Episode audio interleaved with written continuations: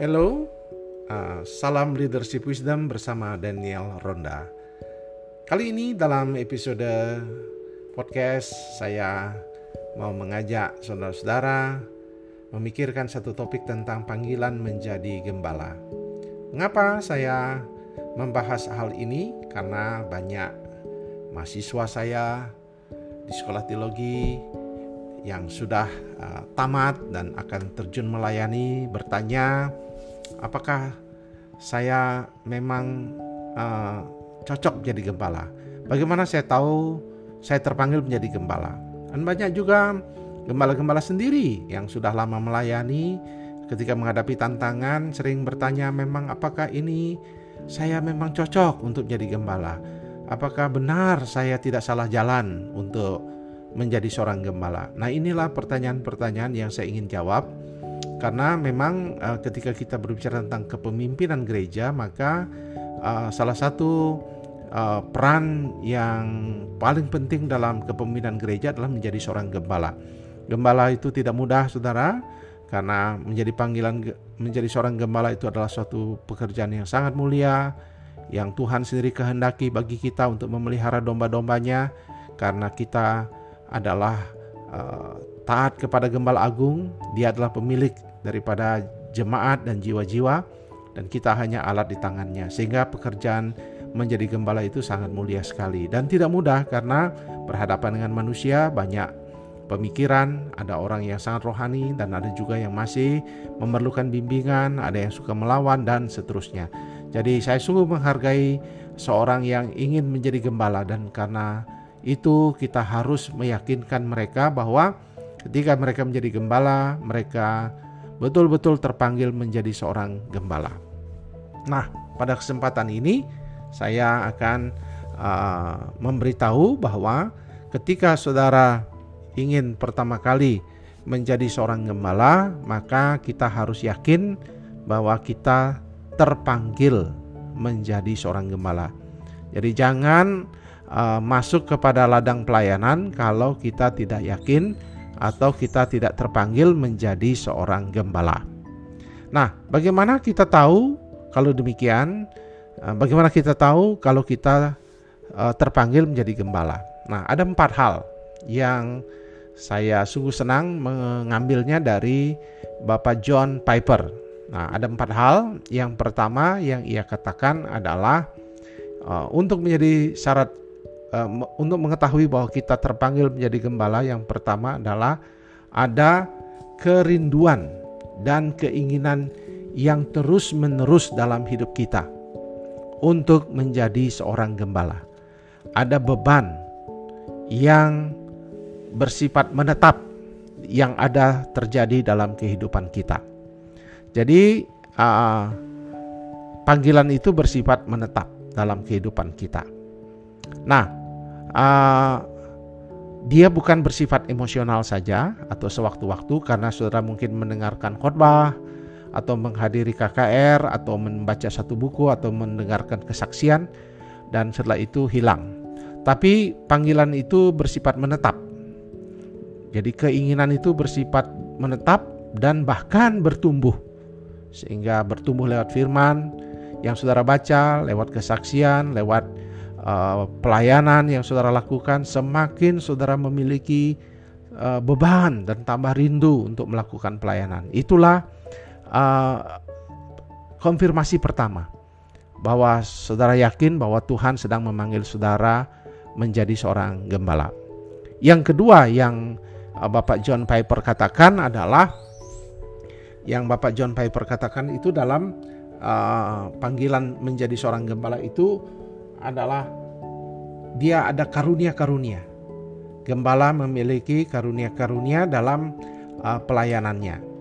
Jadi, misalnya uh, dia punya karunia terutama maksud saya karunia mengajar dan karunia untuk uh, melayani.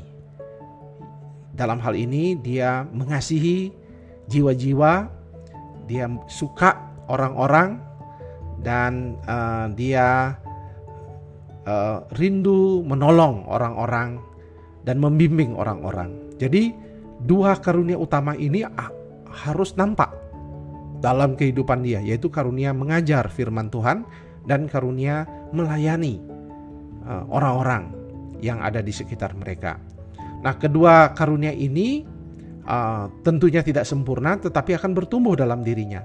Nah, kalau dia tidak suka mengajar, dia tidak suka melayani orang, tentu lebih baik dia tidak usah menjadi gembala. Mungkin dia terpanggil menjadi karunia dalam bidang administrasi, uh, pelayanan, atau menjadi seorang yang terlibat dalam hal-hal lainnya dalam pelayanan.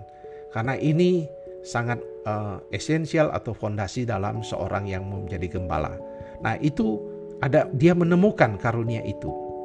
Nah, yang ketiga menurut John Piper adalah adanya diteguhkannya ada konfirmasi dari orang-orang uh, di sekitar uh, dia sebagai gembala, baik dari uh, orang-orang yang lebih rohani atau yang dewasa rohani atau yang lebih senior yang sudah dalam Tuhan mengkonfirmasi pelayanannya. Dalam arti uh, dia diteguhkan. Jadi mereka mengapresiasi pelayanannya, mengapresiasi firman Tuhan yang diajarkannya, mengapresiasi akan uh, perkunjungannya dan semuanya. Jadi ada konfirmasi. Uh, misalnya sekalipun dia misalnya berkhotbah dengan uh, gaya yang cukup keras, tetapi jemaat uh, misalnya dia menegur dosa di mimbar, tapi jemaat merasa seperti seorang bapak yang menegur anaknya. Dan pengajarannya juga ber, jemaat bukan hanya bertumbuh dalam pengetahuan, tetapi dalam iman, dalam kedewasaan. Ada pengajaran yang luar biasa, dan kemudian ada juga tentunya uh, kasih yang dirasakan lewat pelayanan sentuhan-sentuhan pelayanan dari gembala. Jadi yang ketiga syaratnya adalah uh, saudara tahu bahwa itu terpanggil menjadi gembala ketika ada konfirmasi dari orang-orang di sekitar Anda.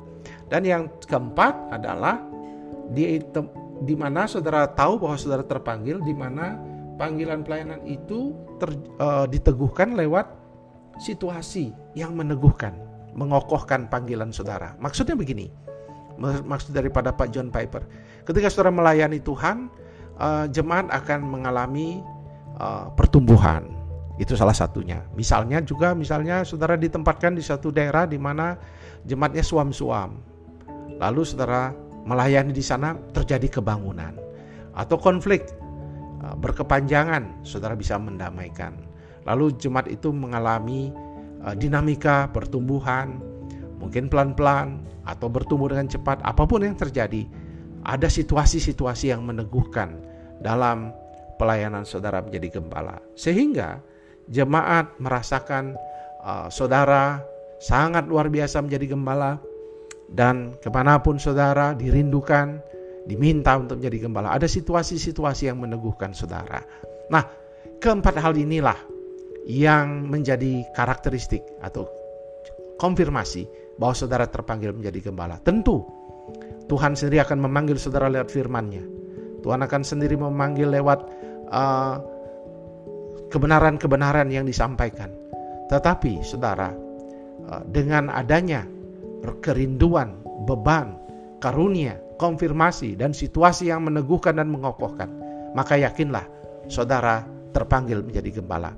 Ingat, keterpanggilan menjadi gembala adalah syarat pondasi utama untuk melanjutkan pelayanan pengembalaan. Nah, itu yang saya bisa dapat berikan kali ini uh, dalam episode menjadi seorang pemimpin uh, gembala di gereja harus dimulai dari pimpinan, uh, dari panggilan seorang gembala. Panggilan itu harus jelas dari Tuhan. Nah, itu saja dulu dari saya dalam episode kali ini dan nantikan episode-episode selanjutnya tentang kepemimpinan. Salam kepemimpinan, Tuhan memberkati.